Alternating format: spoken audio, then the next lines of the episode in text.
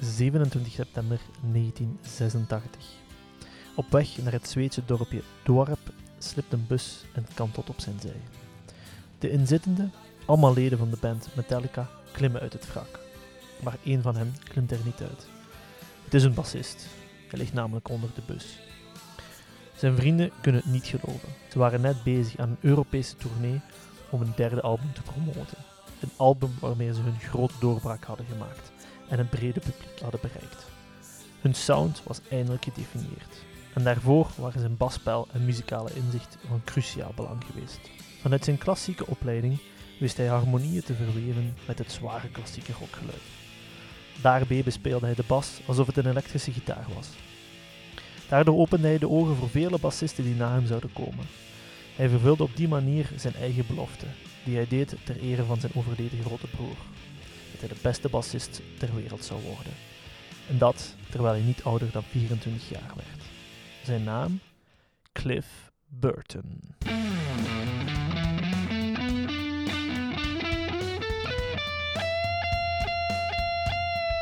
Liever snel naar de hel met Seppe en Sander. Welkom bij de nieuwste aflevering van Liever Snel naar de Hel. We zijn nog steeds Sippen en Sander en we hebben het ook nog steeds over legendarische muzikanten die op jonge leeftijd het loodje legden. Of het loodje lieten. Ik weet eigenlijk nooit echt wat ik moet zeggen. Is het het loodje leggen of is het het loodje laten? Ehm, pas. Oké, ik ga het... Maar het is wel eigenlijk goed dat je het hebt over lood, want lood is eigenlijk een metaalsander. Aha. En over wat gaan we het hebben, Sippen? Over iemand die in de band Metallica speelde. Ah, ja, wel, ja, wel. We gaan het over, over Metallica hebben en over niemand meer dan, dan Cliff Burton. Ja. Cliff Burton, de bassist van Metallica. Allee, de bassist, een van de vele bassisten die dat eh, Metallica in zijn carrière zal hebben gehad. Ehm, en ja, eh, we moeten hem toch ook nog een klein beetje plaatsen, want we hebben hier nog altijd een, een thema Ja, aan, voilà, dit gangen, de jaren 70. Om het toch nog een klein beetje te duiden. We zijn begonnen met Sid Vicious, een bassist die dat eigenlijk echt wel niks voorstelt. En we eindigen nu met een bassist aan het einde van de jaren 70, hè, begin van de jaren 80, die dat echt wel een zotte revolutie in de baswereld wel heeft teweeggebracht. Ja, ehm, de, de link met de jaren 70 is ook hier eh, zeer duidelijk. Hè? Ja, hij, hij- hij is, hij is volledig weg. Eh, voilà, dus Ja. hij, heeft, hij heeft de volledige tien jaar van de jaren 70 meegemaakt. Hij heeft die volledig meegemaakt. En hij heeft ook echt wel uit de jaren 70 wel de nodige inspiratie geput Ja, om daar dan de metal van te maken. ja de, metal, de metal van te maken. Ja, voilà, we ja, zijn op- twee minuten bezig en we hebben het al echt goed volgezeverd eigenlijk. Ja, hè. voilà. Dus laten we beginnen met Cliff Burton. Ja, Clifke Burtonneke. Eh, geboren in California in 1962. Eh, ja, een, een gewoon, gewoon gezinnetje. Hè? Hij, heeft, heeft twee eh, ehm, oudere broers, geloof ik. Hè? Ja. En vanaf jongs af aan echt wel al geïnteresseerd in de muziek, eigenlijk. Hè? Ja. Het wordt ook gemotiveerd, het wordt gesteund. Ehm, ten opzichte van andere artiesten, laten we zeggen dat hij uit een, een oké gezin komt. Hè? Ja, ja, ja. ja. En, Er was niks mis mee. nee, er is inderdaad niks mis. En, en hij krijgt een hele waaier aan muzikale invloeden ook echt wel binnen. Hè? Dus, want, Ja. oké, hij, hij zal later wat in de metal komen, maar eigenlijk komt hij vanuit een zeer klassieke opleiding, vanuit een, vanuit een jazzopleiding. En dat is wel heel belangrijk om te vermelden, want hij zal eigenlijk eerst ook piano spelen. Ja, vanaf zijn dertiende zal hij eigenlijk piano Ja. spelen.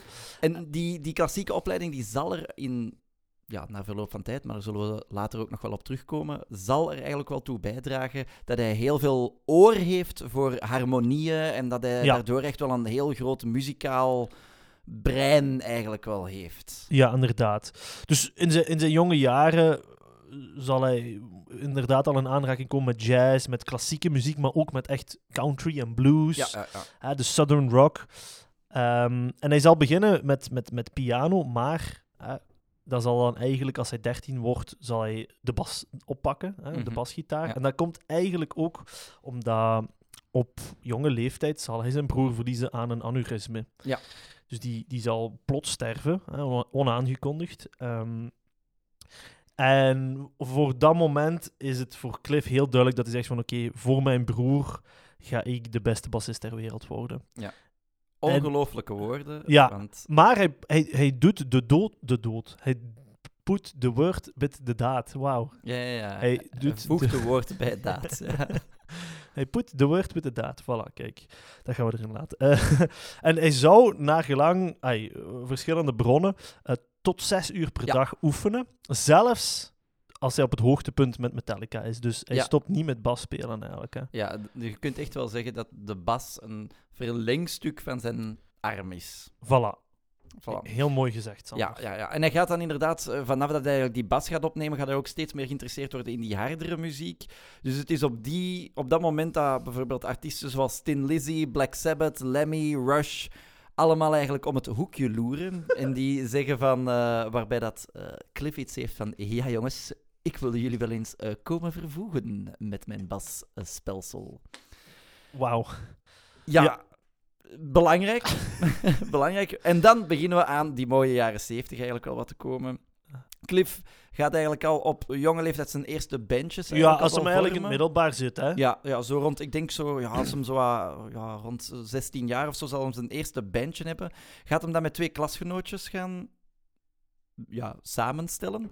En die klasgenootjes zijn niemand minder dan Jim Martin en Mike Borden. Van Fate No More. Ja, voilà. Dus op dat moment, Fate No More bestaat nog niet, Metallica bestaat nog niet, maar eigenlijk die, die bands hebben eigenlijk al een soort van pre-superband gemaakt voordat ze eigenlijk bestonden. Ja. Eh, dat bandje zal Easy Street noemen. Eh, zij zelf kijken er allemaal positief op terug, maar het was meer zo van, ja, we speelden covertjes, we, we lulden wat, wat rond, we, we deden wat onnozel, er was niks serieus. Maar, allee, ze, ze, ze waren wel een, bandje dat optredens deed, dat, dat al speelde, dus allee, da, daar heeft hem zo'n strepen verdiend. van. Ja, ja, ja. Easy Street zou ook trouwens een verwijzing zijn naar een topless bar bij hen in de buurt. Ja. Dus vandaar dat ze dat wel een coole naam vonden. hè. hè. Ja, oh, die 16-jarige pubertjes toch. Maar zal inderdaad, zoals gezegd, een, een hele belangrijke bron zijn, of een heel belangrijke basis liggen. Want ja, op dat moment, Cliff Burton heeft het dan toch ook al wel echt wat gevonden met, met Jim Martin. Ja. En als ze dan eh, Easy Street ja, ontbindt op een gegeven moment, hè, in, in Oh. eh, een heel officiële bewoording, op een gegeven moment gaan die gewoon, gewoon gezegd hebben van oké, eh, we stoppen ermee. Einde verhaal. Maar Jim Martin en Cliff die zeggen van, goh, jongens, misschien moeten we toch nog een ander projectje wat opstarten. Ja. En dat gaat wel een belangrijk projectje zijn. Ja, dat is Agents of Misfortune. Yes. Hoe cool is dat? Agents of. Die, dat klinkt een klein beetje als zo'n Marvel-serie. Maar volgens mij is dat ook zo, stel je voor, ergens in het vijfde middelbaar en je wilt echt indruk maken op de meisjes, dan denk je, hey, ik speel Bas in Angels of Misfortune. Agents. Agents, sorry, Agents, of Ja. Misfortune. Angels zou ook een heel coole naam zijn. Ja, hè? Dat, dat, dat, dat klinkt nog zo uh, Dus, Zo, allee, eh, voilà, dus... allee, duivelser. Zo. ja, voilà, wauw. En dan is een beetje lang haar. Ja, ja, ja, ja. Ik weet niet of dat je met dat lang haar de meisjes eh, op dat moment. Maar toen op dat moment, Ja, misschien wel. Misschien wel. Eh, maar inderdaad, Agents of Misfortune gaat een heel belangrijke rol spelen. Ehm, meer bepaald eigenlijk in 1981. Eh dan gaan ze meedoen aan de Battle of the Bands. Dat is een, een grote muziekwedstrijd. En Jim Martin en, en Cliff Burton gaan daar dan, ja, eigenlijk, je kunt dat nog, altijd zien, staat op YouTube. Het hele optreden duurt een, een kleine 10 minuten. en dat is eigenlijk, ja, een soort van improvisatie dat die op dat moment doen. Of ik weet niet of dat het officiële nummers zijn of improvisatie. Het ziet er een beetje uit als improvisatie. maar wat vooral interessant is, is als je wat doorspoelt in dat eh, fragmentje en je gaat naar ongeveer minuut goh, 9, 57, dan wordt daar dit riffje opeens gespeeld.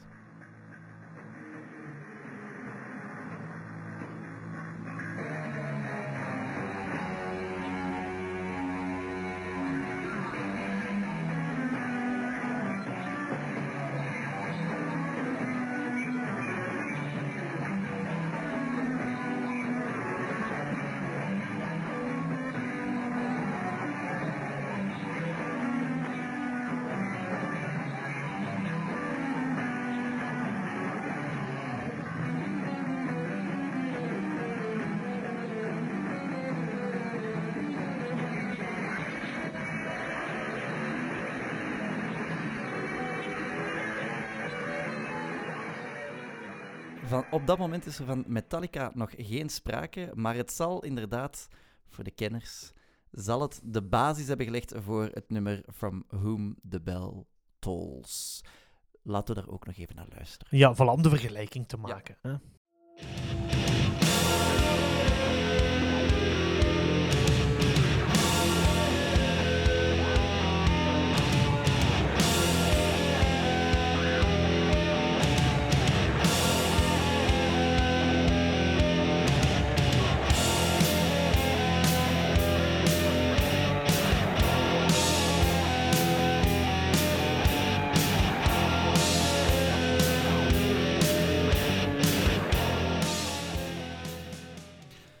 Zo, voilà. Dus eigenlijk in 1981 wordt er gewoon al de basis gelegd voor een nummer dat pas op een plaat in 1984 zal verschijnen. Ja. Of- dus, allee, ongelooflijk eigenlijk. En dan eigenlijk een jaar later zal, zal hij de overstap maken naar het, ja, de professionele muziekwereld en in zijn eerste echt professionele band gaan. Dat is de band Trauma. Ja.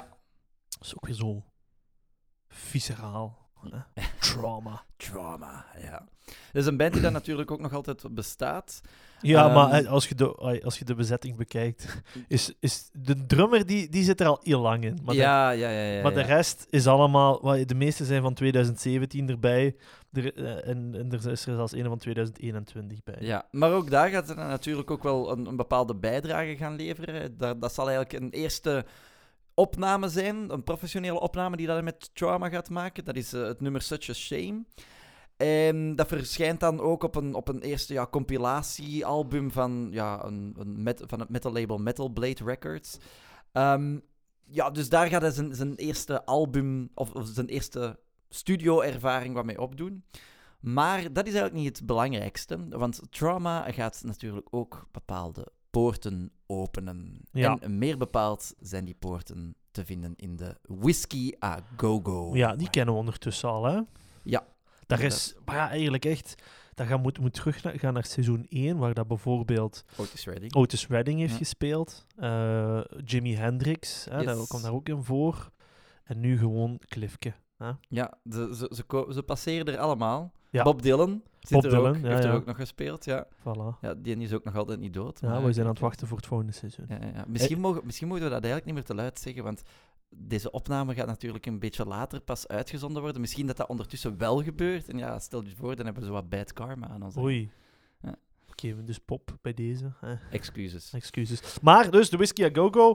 eh, be- belangrijk optreden voor hem ook wel. Waarom? Omdat eigenlijk twee leden van, van, van een, een band, ehm, James Hetfield en Lars Ulrich, die zullen daar ook zijn. En die zijn daar wel echt met een doel. Hè? Want ze hadden eh, onze, onze, ons Cliff, hè, ons Cliffke, eh, ze hadden die horen, horen optreden al. En, en daarin hadden ze ook hè, een, een bassolo van hem gehoord. En die bassolo is ook iets wat terug zal komen op de Metallica-albums. En dat is eh, een stukje van Anesthesia Pulling Teeth, ook van het eerste album. Ja. En ze dachten, oh my god, wat een coole gitaar was dat. Ja, Maar eigenlijk was dat geen gitaar, Sander. Dat was gewoon Cliff Burton die echt zat te shredden op zijn bas. Dus ze gaan naar de Whiskey a Go-Go, denken van, oh my god, dit is eh, vet, we gaan, we gaan supercoole gitaarsolos horen. En ze zien daar eigenlijk gewoon Cliff Burton helemaal losgaan op zijn bas. En denken van, oké, deze jongen moeten we hebben. Ja. Eh, Moeten we er even naar luisteren, naar de bassolo van... eh, Ja, maar dat is eigenlijk wel niet slecht, hè. Want dat is, ai, ai, dat, zeker het liedje Anesthesia Pulling Teeth, dat is van het Ja. eerste album ook, dat is echt gewoon ja, een ode aan de, aan de bas van Cliff Burton, basically. Hè. Ja, ja, dus dit is eigenlijk wat, dat, wat dat James Hetfield en wat, wat, wat Lars Ulrich horen in de Whiskey a Go-Go en waarvan ze later gewoon ook zeggen van dit moeten we op ons album hebben staan. Ja, voilà.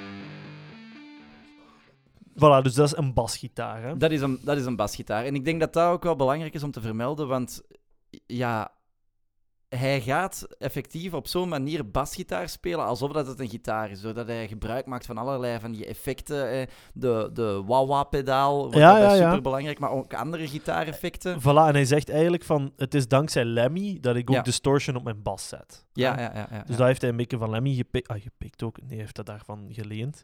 Ja. Maar hè, we, we zitten dus eigenlijk met, met de, de, de twee hoofdleden van Metallica. Hè, Chris, James Hetfield en Lars Ulrich. Ja, Ja. Die volledig van de sokken geblazen zijn en zeggen... Yo, hey, kom bij ons. Ja. En eh, Cliff had zoiets van... Ja, weet je, ik vind Trauma, die zijn ze wat commercieel aan het worden. Dat is niet mijn ding. Ik wil edgy blijven. Ja. Ehm, want dat was eigenlijk wel belangrijk voor hem. Hij deed muziek voor de muziek. hè. Ja, het was niet zo iemand die beroemd wilde worden of weet ik veel wat. Nee, die wou echt muziek maken en, en eigen blijven aan, aan hetgene wat hij wou creëren.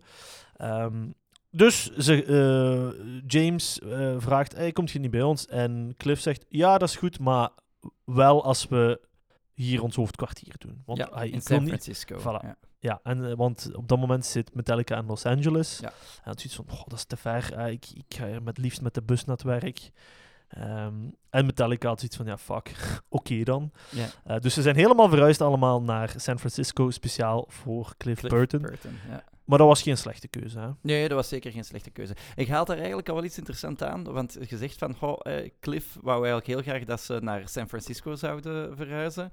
Dat komt eigenlijk ook omdat Cliff Burton toch ook wel wat heimwee had. En dat gaat eigenlijk doorheen die carrière van, van Cliff ook wel altijd weer terugkomen. Want als ze op tour gaan, ja, hij doet dat wel graag, maar hij is ook altijd een eerste om te zeggen van, ik pak nu mijn koffers en ik ben weg. Ja. Ook op momenten dat zo wat, ja, dat, dat, dat, bijvoorbeeld wat lang aansleept of zo, dan, dan is hij de eerste die dat zo wat met traantjes ergens zit en denkt van, ik wil liever naar huis gaan.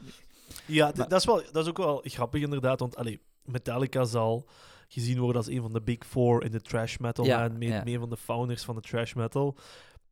Eh, en zeker allee, ook het personage van James Hetfield, dat is zo ja, de ruige stoere. Ja. dan, als je dan gaat kijken naar Cliff Burton, wat waren die zijn hobby's?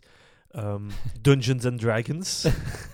Eh, een beetje zitten op de ranch en wandelen in de natuur. Ja, ja. En, en toevallig ook bas spelen. Ja, bas spelen dit hem ook Ja. wel graag, ja. Ja, en het lijkt me interessant om hier ook nog even de geschiedenis van Metallica eraan te koppelen. Want ja, op dat moment, Metallica bestaat al wel even, uh, vooraleer dat ze Cliff Burton tegenkomen. Meta- Metallica was al opgericht in 1981 door Lars, Lars Ulrich, de drummer, en James Hetfield, de zanger en de gitarist. Ja. En ze hadden ook al twee bandleden. Dat wa- was Dave Mustaine als gitarist, die dat later ook voor Megadeth zal, zal spelen. ja. En dan hebben we nog eh, Ron, eh, en ik ben zijn naam even kwijt, Ron McGovney, en dat zal de bassist zijn. Maar ja, van Ron zijn ze dan eigenlijk niet volledig eh, tevreden en daarom dat ze al wel wat aan het zoeken zijn naar een andere bassist. Ja. Nu, waarom de naam Metallica? Vind ik toch ook nog wel een leuke om er wat bij te eh, vermelden. We zijn op dat moment, is de metal echt wel zich aan het vestigen. Ehm, ik dacht eigenlijk vroeger altijd dat met metal echt kwam van Metallica, maar dat blijkt dus niet het geval te zijn. Ja, Metallica is, of metal komt eigenlijk al wat van Black Sabbath. Maar daardoor, alles wat met metal te maken heeft, wordt ook gewoon metal genoemd. Metal dit, metal dat, metal... Ehm, dus ja, als je dan een metalband wilt oprichten, dan zit je ook wel goed als je zo wat binnen... eh, als je een bepaalde samenstelling met metal probeert te doen. Nu, het grappige was dat eh, een vriend van Lars Ulrich, ehm, die was eigenlijk een, een fanzine aan het maken. Eh, zo magazine eigenlijk iets. En die zei van, oh ja, ik twijfel eigenlijk tussen twee namen. Ofwel ga ik daar Metal Mania als titel gebruiken, ofwel ga ik daar Metallica van maken. En Lars Ulrich zei van, ah, gebruik maar Metal Mania. en hij ging vervolgens met de naam Metallica Ah. roepen. Voilà, om even een beetje de korte geschiedenis van Metallica op dat moment te geven. Ja. Maar dus Ron McCovney, bassist eruit, en Cliff Burton komt erin.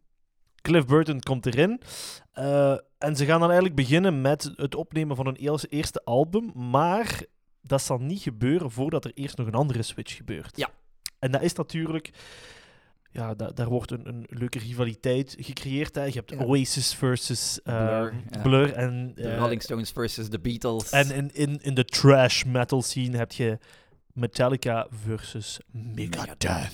Dave Mustaine die zal eigenlijk gewoon uit de band gekikt worden Ja. voor zijn drughabits en eh, onhandelbare ego. Ja. Ehm, het, het, het, is blij, het is blijkbaar ongelooflijk, want ehm, eh, die heeft dan ook natuurlijk rechtszaken tegen Metallica aangespannen, Ja. et cetera. En hij zou letterlijk gezegd hebben: Metallica heeft mijn leven verpest. Dus het zit heel diep bij hem en hij was echt in zijn ego gekrenkt dat hij eruit gegooid is. Ja. Eh, maar Megadeth is ook wel echt een grote band geworden. Hè, dus Ja. daarin hebben ze nu niet veel te klagen. Hè.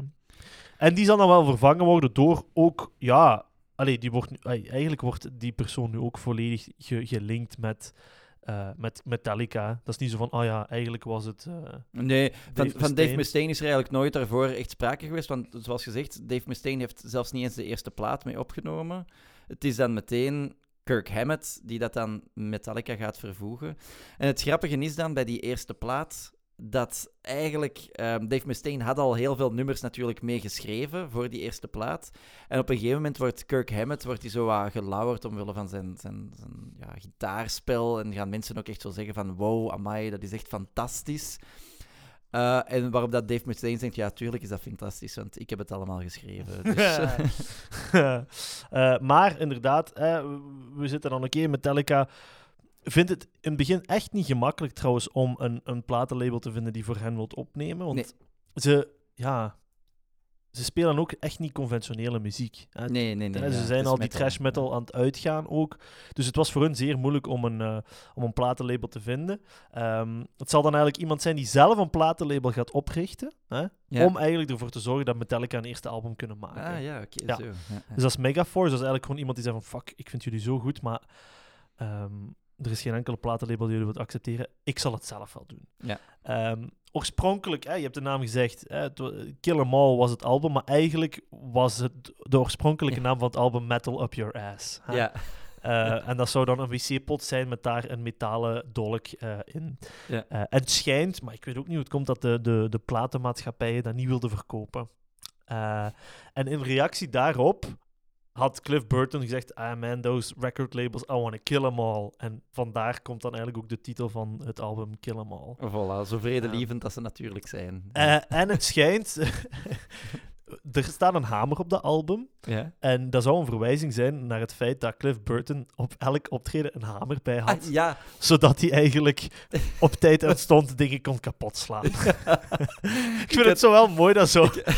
Dat dan daar echt gewoon een tool voor gebruikt. Ja, maar ik, ik vind het ook grappig. Je hebt zo heel veel van die muzikanten die dat wel zoiets van een soort van een geluksbrenger hebben. Maar dat gaat dan vaak over een bepaalde plektrum of, of, of iets, of een fotootje dat die mee in hun, hun portefeuille hebben zitten. Of dat, dat ze, waar dat ze altijd naar kunnen kijken. Hè. En Cliff Burton pakt gewoon altijd een hamer. Professionele slopen, dan moet je bij Burton zijn. Voilà, inderdaad. Ehm, dus, en dan eigenlijk in, eh in 83 zal het album uitkomen. Ja. En ja, allee, het is, ai, het is niet zo, wow, de breakthrough of weet ik veel wat, maar ze, ze, ze maken wel een naam voor zichzelf. Hè? Ja, dat is wel ja, een album dat eigenlijk zelfs nu nog wel wordt gezien als een van de klassiekers van de trash metal ook. Hè? Ik stel voor dat we van, van Kill 'Em All dan ook een liedje luisteren. Ja. hè. Laten we dan maar de Four Horsemen doen. Ja, oké. Dus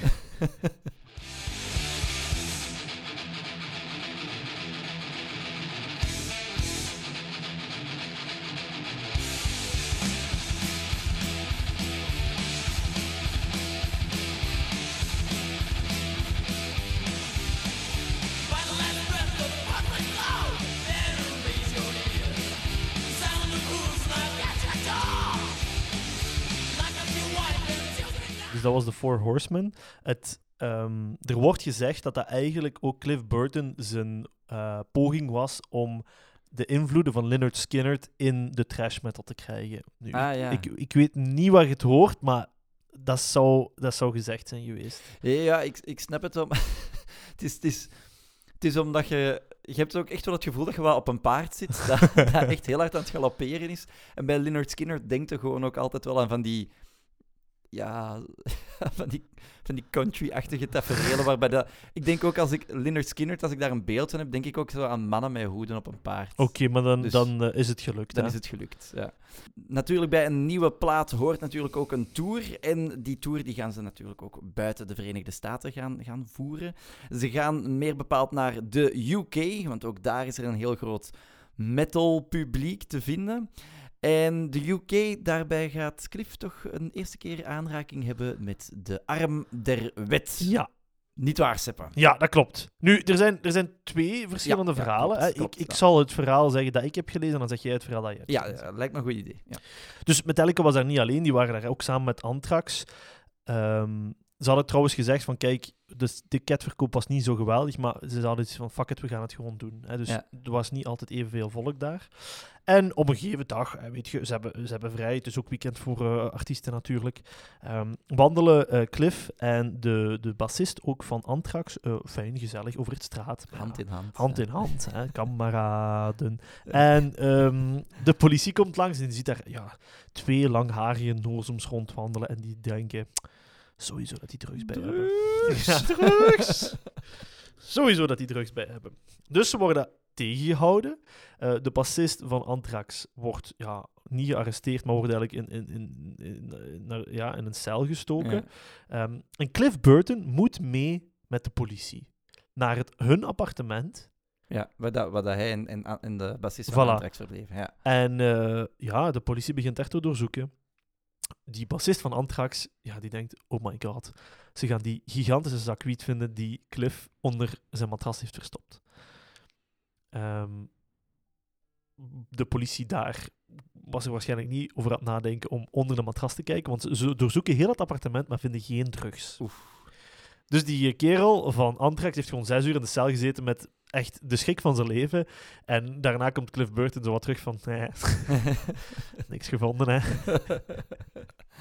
Ja, en het verhaal dat ik heb gehoord, is dat ze effectief op die straat zijn. Dus ze zijn op die straat, ze worden gearresteerd. Maar ehm, Cliff Burton die eh, moet niet terug naar het appartement gaan voor het appartement te laten doorzoeken. Maar de politie neemt die eigenlijk mee, vragen van, ja, eh, heb jij drugs in je bezit? Waarop dat Cliff zegt, nee, ik heb geen drugs in mijn bezit, ik doe helemaal geen drugs. En dat die, ja, ze beginnen hem eigenlijk te fouilleren en ze vinden effectief een, eh, een zakje van het een of het ander. En ze zeggen van, ah, dat is drugs, jongeman, dus kom maar eens even mee naar het politiekantoor. Cliff Burton, die wordt daar in de tralies gezegd, terwijl dat hij de hele tijd zegt van, ja, je kunt nu beweren wat dat, dat is. Het is geen drugs, dat is echt iets dat ik nodig heb. Ja, de politie gelooft hem natuurlijk niet, totdat ze het onderzoeken.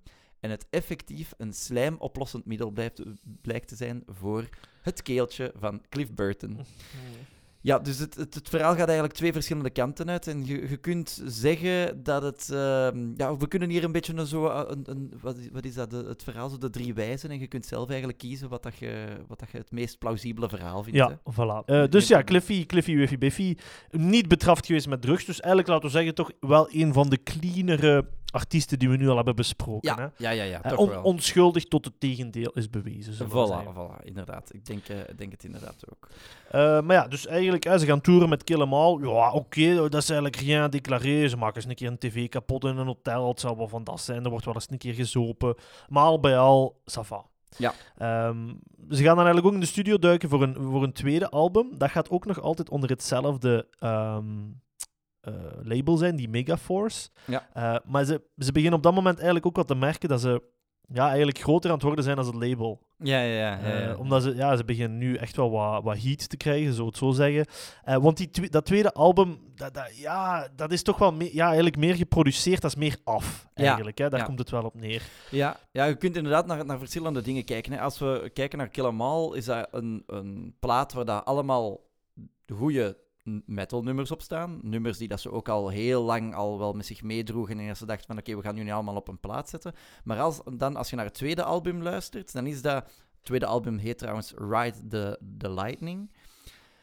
En daarbij hoort je gewoon dat dat... Ja, ze zijn daar geen nummers meer gewoon aan het maken, maar ze zijn daar ook een verhaal aan het vertellen. Ja, ja, En inderdaad. dat is misschien toch ook wel een beetje een interessante vermenging met de, de, de vorige aflevering. hè. De vorige aflevering hebben we het zo over Sandy Denny gehad en over hoe dat zij ook qua verhalen, die, die, die folkverhalen wat probeerden te bellen, brengen. We dachten dat er geen link kon zijn tussen de twee, maar er is wel degelijk een link. Want ook Cliff Burton heeft toch ook een, een heel hard gevoel voor ja, verhalen op een muzikale manier te vertellen.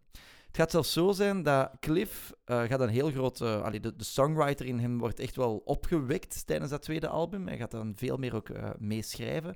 Zes van de acht nummers die zouden mede door hem geschreven zijn. Je hebt het daar eigenlijk over die, ja, die verhalen, ehm, eh, die meer verhalende stijl van, van een album. Eh, dat, dat is iets wat altijd wel leuk is als je zo van die conceptalbums hebt waar dat je zo echt een verhaal hebt van A tot Z. Maar ze, ze, ze halen ook wel hun inspiratie uit dingen die ze lezen, uit de dingen die ze horen. Eh, bijvoorbeeld The Call of Cthulhu. Eh, dat is ook een verwijzing naar het boek van H.P. Lovecraft. Dat, dat gaat over Cthulhu, dat is zo een of ander groot zeemonster. Ehm, maar H.P. Lovecraft wordt ook wel gezien als zo een van de voorvaders van de science fiction. Dus allee, eh, je ziet dat er wel die invloeden dat die daar duidelijk eh, in voorkomen, zeker. Hè? Ja. Want de Call of Cthulhu, dat is ook een volledig instrumentaal lied. Ja. Hè? Dus daar werkt ook wel wat sferen op, zo. Hè? Ja, ja, ja, zeker. En ook daar gaat eigenlijk die, die, die bas heel leidend zijn. Hè. Dat, dat wordt eigenlijk zo wat bekend ook, of wordt wordt een, een van de nummers die dat heel kenmerkend zijn voor de, de basstijl van Cliff Burton. Als zijnde van, ja, dat was, dat was een lead bass. Hè. Normaal gezien hebben we de, de lead guitars, maar hij was gewoon de lead bass die dat het daar wel eh, overneemt. Ja. Zullen we daar misschien kort even naar luisteren? Ja, dat is goed.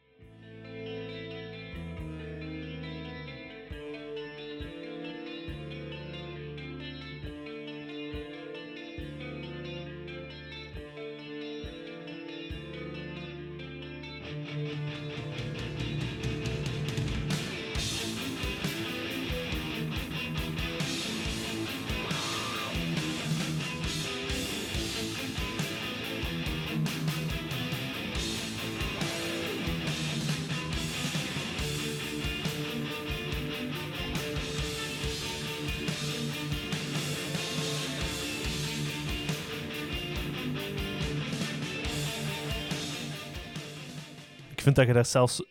Weet je nog dat zo... ehm, Ah, hoe heet onze vriend nu? Eh, Jeff Buckley.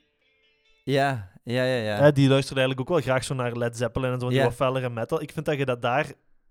Daar hoort je Jeff Buckley zo'n beetje in. Als je begrijpt wat ik bedoel? Ja, ik, ik snap het helemaal. Ik wou, ik wou ook net zeggen van, het is, het is, het is echt een, een, een verhaal dat erin wordt verteld, maar zeker zo met die gitaarlijntjes die dat er dan zo in Ja. komen. En dan, ja, inderdaad, ik snap wat dat je bedoelt als je zo denkt aan een nummer als, ehm, Mojo Pin of ja, zo. Mojo Pin. Ja. Ja, ja. Da, daar heb je ook zo... Ja, dat, dat werkt ergens naartoe. Maar effectief, Jeff Buckley was, was ook een, een, een metal fan uiteindelijk. Ja. Die had ook vroeger een, eh, een metal, eh, metal bandje. Ehm, maar alle gekheid op een stokje. We hebben natuurlijk Alle nog altijd over, een eh, over, op, over Cliff Burton. maar we moeten die linken leggen, hè, Sander? Tuurlijk, tuurlijk. Luister tuurlijk, zeker tuurlijk. naar onze aflevering van Jeff Buckley ja, de dan. eerste aflevering. Ja, ja, ja. Dan, kan je, dan kunnen jullie ook zien hoe dat wij gegroeid zijn als podcasters. hè. Ja, of als je dat helemaal niet vindt, dan mocht je dat ook zeggen. Ah ja, zeker zeggen dan. Hè. Ah ja, trouwens. We moeten eigenlijk wel nog een verwijzing maken. Hè? Want we hebben Cliff Burton niet zelf gevonden. Het, heeft, het is ons aangeraden geweest door iemand. Ja, ja, door een ja, trouwe luisteraar. ja. Maar zullen we dat op het einde van de aflevering Ja, doen? we gaan jouw naam nog niet zeggen. Dat zal voor zelfs zijn. Maar wat ik wel dus eigenlijk, als we teruggaan nu naar die trash metal, eigenlijk is dat een beetje dubbel. Want als je het bij, op face value neemt, dan denk je, wat een lawaai. Hè? Als je, laten, we zeggen, als, laten we zeker zeggen, als modale Vlaming zijnde. Maar als je er dan dieper op in gaat kijken, dan merk je eigenlijk dat daar heel veel ja, denkwerk achter zit. ja, ja, ja. zeker. als je het vergelijkt met punk, ja, je kunt het al bij lawaai noemen, maar die, zeker Metallica, daar gaan, kruipt heel veel in qua muzikaliteit. En dat heeft zeker te maken met Cliff Burton, ook, die echt ja, ja. Ook iets, iets muzikaal wil maken. Niet gewoon iets simpel dat maar begrijpbaar is, maar echt hè, inderdaad met harmonieën gaat werken. eh, en, en heel veel muzikale invloed ook buiten de, de metal gaat binnenbrengen bij Metallica. Ja, het is, het is effectief door, door inzicht te hebben in klassieke muziekstukken, dat hij die gaat infiltreren in die, in die metal scene, in die, in die rockmuziek. En dat zorgt er natuurlijk ook voor dat je daardoor nummers krijgt die dat, ja, 8 minuten, 9 minuten, 10 minuten, allee, het, is, het is geen uitzondering, hè, en die dat ook effectief heel instrumentaal zijn. Waardoor dat ze misschien minder commercieel interessant zijn. Het zijn geen radionummers, of niet meteen radionummers, maar ja, ze zetten zich daar inderdaad wel neer. En dat is echt wel een verdienste van onze vriend Cliff Burton. Ja, dus eigenlijk, oké, Ride the Lightning, daar, daar worden ze, krijgen ze ook hun, meteen hun eerste hitnoteringen Ja. in, de, in de billboards van, van de, de US. Dus dat wil natuurlijk wel zeggen, zeker als, ja, wat laten we zeggen, op dat moment is dat nog een beetje een, een niche genre. Hè? Het is pas echt vanaf 84 dat dat heel hard begint op te komen. Ehm, en ze gaan dan eigenlijk ook een nieuw album opnemen. Ja. En dat album dat gaat eigenlijk ook zo'n beetje eh, het album zijn van eh, Parklife versus eh, What's the Story Morning Glory. hè. ja. Hè, dat is, In- in dat de is, metal scene, ja. maar ja, maar dat is eigenlijk echt, want het, het was echt van, kijk, welk album gaat het hoogst noteren? Gaat dat eh, Master of Puppets zijn van Metallica of eh, Megadeth eh, ga- ging ook een album uitbrengen, maar ik ben de naam even vergeten. Ja, de- het is duidelijk wie dat er gewonnen is. Ja, dan, voilà, inderdaad. Eh, maar ja, ik ben ook echt wel geen kenner van, van de trash metal scene, dus misschien zeggen die wel van, oh my god, nee.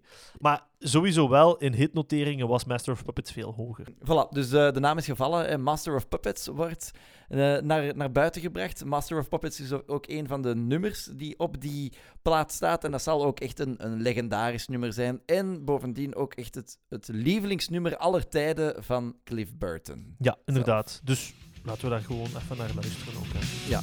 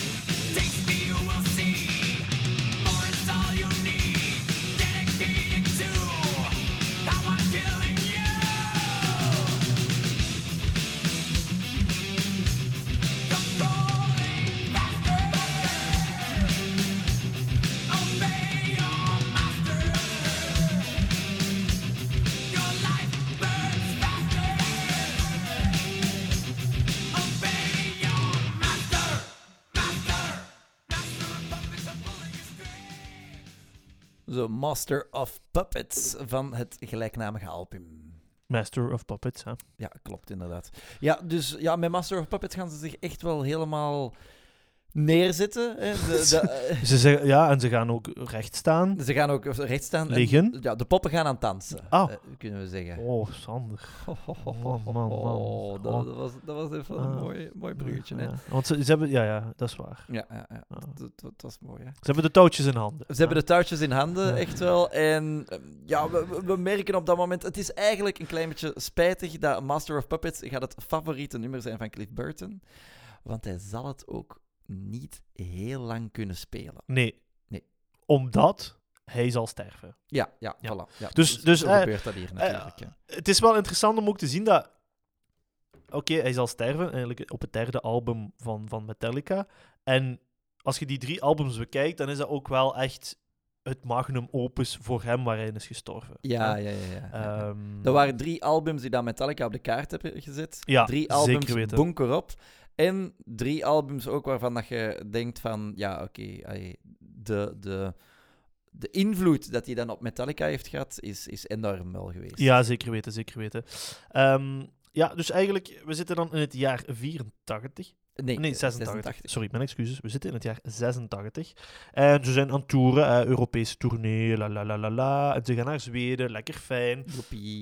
Nu, allee, de bus waar dat ze in zaten, hè, in, in de tour, eh, tijdens de tour, dat was een bus van de lijn. Hè. Ja, Dat zegt genoeg eigenlijk. Hè. ja, ja, Ehm, dus allee, het, qua kwaliteit viel het mee. hè. Ja. Maar wel een hele toffe chauffeur. hè.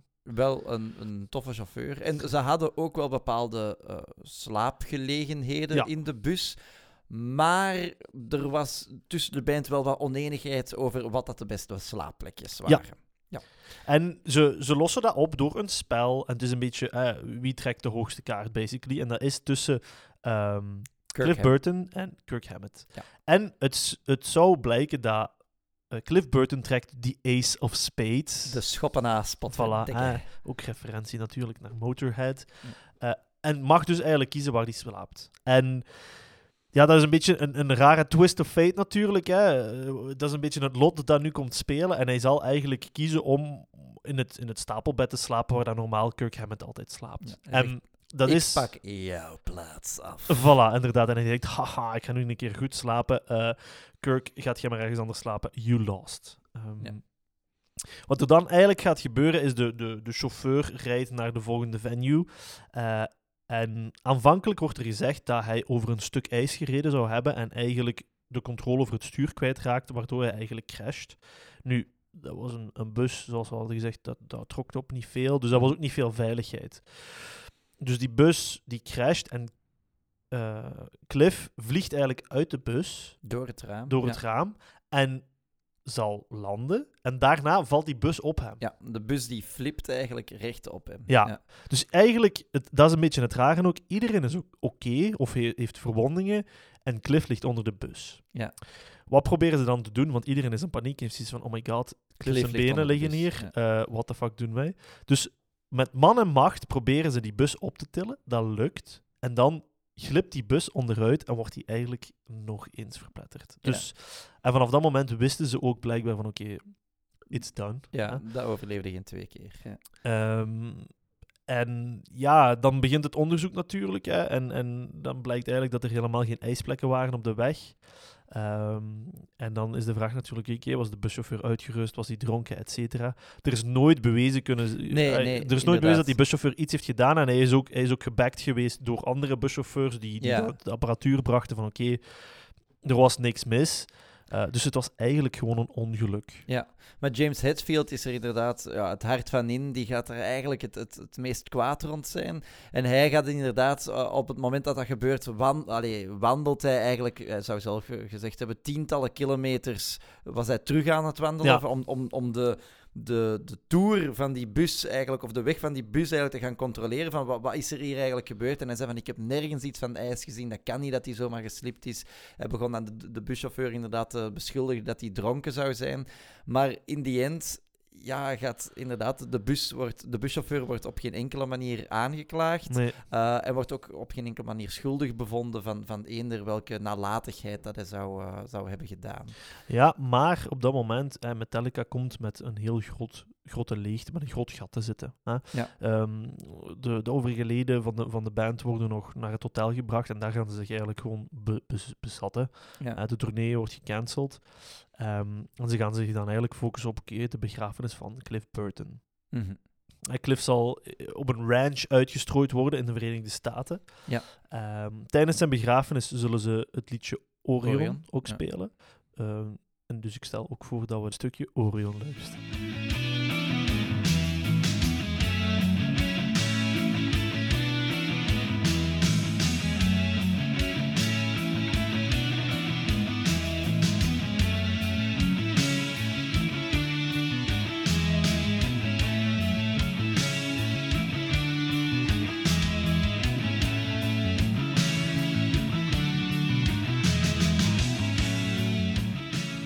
Orion. Orion. Dat, eh, Orion wordt eh, effectief op zijn. Dus, wacht, hè. dus Orion, Orion wordt op zijn begrafenis gespeeld. En ja, dan kunnen we eigenlijk een klein beetje wat. eh, 27 september 1986 is hij, eh, ge- eh, ja, is hij ge- eh, gestorven, hij wordt begraven. Eh, Metallica moet verder gaan. Ze zullen ook een nieuwe bassist vinden. Ja, maar dat zou geen gemakkelijk proces zijn Nee, geweest. nee, nee, ze zouden blijkbaar meer dan 50 bassisten gezien hebben voordat ze echt zoiets hadden van oké, va. Ja. Ehm, En ja, al die nieuwe bassisten weten ook wel in wat voor zotte schoenen eigenlijk dat ze opeens moeten gaan staan. Ja, Cliff Burton was echt wel duidelijk een van de zotste gitaristen van zijn, eh, of bassisten van zijn, eh, van zijn generatie. Ehm, nu, wacht, wat wou ik zeggen? Nu, ehm, dat gaat natuurlijk niet het einde zijn van Metallica. Metallica die gaat ook nog een eerbetoon eh, schrijven aan Burton, eigenlijk het, het, op hun nieuwe, op hun album dat daarop volgt, en- en, en Justice for All, gaan ze ook nog een, een nummer brengen. Eh, en dat is het nummer eh, To Live Is To Die, ja, eh, waarin dat ze eigenlijk ook een, een stukje vers van dat, dat Cliff Burton zelf ooit eens een keer zou hebben Ja. geschreven, erin verwerken. Als enige stuk tekst dat ze in het nummertje eh, Ja. verwerken. nee, dat klopt. en dat is de, de tekst, eh, wat wordt er gezegd? Eh, Cannot the kingdom of salvation take me home. Ja, dat is ook weer zo foreshadowing as fuck. Ja, ja, ja, voilà. Ik stel voor dat we dat misschien als, als laatste nummertje straks, Ja, straks ook wel laten spelen. Ehm, Want, allee, dat, de album, hè, eh, eh, Injustice for All, Ja, en Justice for All. Ja. daar daar gaat eigenlijk ook het, ja, de, de grote, grote doorbraak zijn van Metallica, ook commercieel. Als in, Ja. dat wordt het album waarin ze hun eerste Grammy-nominatie krijgen. Ja. Zullen die dat niet winnen. Eh, maar eh, de jaren daarop volgend gaan ze wel eigenlijk Grammys winnen, et cetera. Dus Ja. vanaf dan komen ze eigenlijk ook echt in die, laten we zeggen, die commerciële, eh, bekendere sferen ook. Eh, Ja. wat natuurlijk wel een beetje ironisch is, omdat Cliff Burton daar totaal niet geïnteresseerd in was. Nee, voilà. Dus ergens is het misschien ook eh, goed geweest op dat vlak. Ehm, dat hij dat niet opnieuw heeft moeten meemaken. Al die shit dat hij met trauma daar... daar had hem al een trauma aan opgelopen. Hey. Hey. Ja, maar, maar bijvoorbeeld ook Megadeth zal een liedje maken Ja. ter ja, nagedachtenis van Cliff Burton, want Dave Mustaine. de, Dave Mustaine zag hem wel als een vriend en ja, was ook aangedaan van zijn, van zijn dood. Dus, eh, Ja, ja. ehm, en hij, vanuit eigenlijk, ja, overal uit de muzikale hoek zal hij, zal, hij, zal hij lof krijgen. Hij was ook een hele grote fan van de Misfits. Ja. Eh, die zullen ook een tribute aan hem, aan hem doen. Dus een band waar dat ook Nirvana heel veel inspiratie uit gehaald Ja, inderdaad. Ja, ja, ja, ja, Eh, nee, en dan inderdaad eh, ook gewoon vanuit de hele baswereld. Hè. Alle grote bassisten verwijzen naar de uiteindelijk maar 24 jaar geworden eh, Cliff Burton als ja, een enorme inspiratiebron. En iemand die daar echt wel ja, de bas of, of de sound van de bas wel heeft geherdefinieerd. Mhm. Eh, een Flea van de Red Hot Chili Peppers, die toch ook wel echt wordt bezien als, als een, een, van de zotste bassisten Ja, van, ja, eh, ja. van zijn generatie, gaat altijd naar Cliff Burton refereren als van ja, allee, als, als Cliff Burton er niet was geweest, dan had je nooit zo'n evolutie gehad van de bas. Die heeft echt dingen laten horen, waardoor dat je dacht van, amai, de bas is niet alleen Een de achtergrondinstrumentje dat je eigenlijk samen met de drum doet, maar de, de bas kan echt wel een leidend instrument zijn en gewoon mee die muziek gaan bepalen. Ja. Eh, en ook latere bassisten gaan dat doen. Ehm, en ik denk ook bijvoorbeeld als we nu kijken naar een, een Royal Blood, niet dat ze per se eh, hun inspiratie halen Nee, bij. Cliff Burton, maar ja, we denken nu van, amai, eh, die mannen van Royal Blood, die spelen daar gewoon, dat is een bas en een drum, en die bas, dat is gewoon een, eh, een gitaar op zich. Ja, Cliff Burton deed het al Ja, in, 19, inderdaad. in 1980. Voilà, inderdaad. Ehm, ja, eh, heeft, heeft eigenlijk, want hij is eigenlijk ja, heel jong gestorven, maar hij heeft toch wel een grote indruk nagelaten. Zeker op die trash metal scene. En, en ook op inderdaad die ja, andere rockbassisten Ja. eh, die, die nog komen. hè. Een beetje die inder- inderdaad dat, de- dat, dat de bas als, als lead instrument ook kan dienen. Ehm, hij, hij had ook een speciale bas. Hè? Ja. En in 2013 eh, zal het merk Aria eh, de, de signature Cliff Burton bas eigenlijk lanceren, samen met goedkeuring van zijn, van zijn estate. Ehm, en de, de huidige, is dat nu de huidige? Ja, ja de huidige bassist van Metallica eh, heeft die bas ook geïntroduceerd. hè. Ja, dus hij ja, speelde daar ook op. eh, dus, eh, voilà, dus als je echt de bas van Cliff Burton wilt hebben, dan moet je die kopen via Aria. Via Aria, voilà. Hashtag Dus- geen sponsor. Hashtag nog geen sponsor.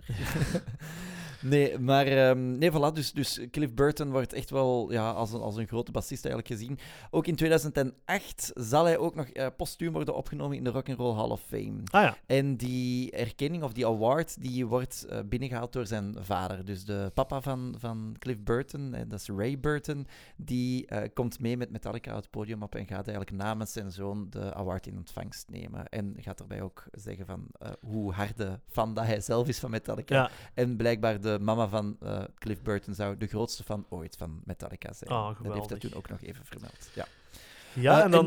ja ah, ik, ik wil oh, nee, nog... nee, nee, ja, we zijn er nog niet. er is nog één iets. Er is nog één iets. Want, want, want, want, want. En ook in 2018 was er ook nog een, een, een, een speciaal moment ter gelegenheid van de 56e verjaardag van Cliff Burton.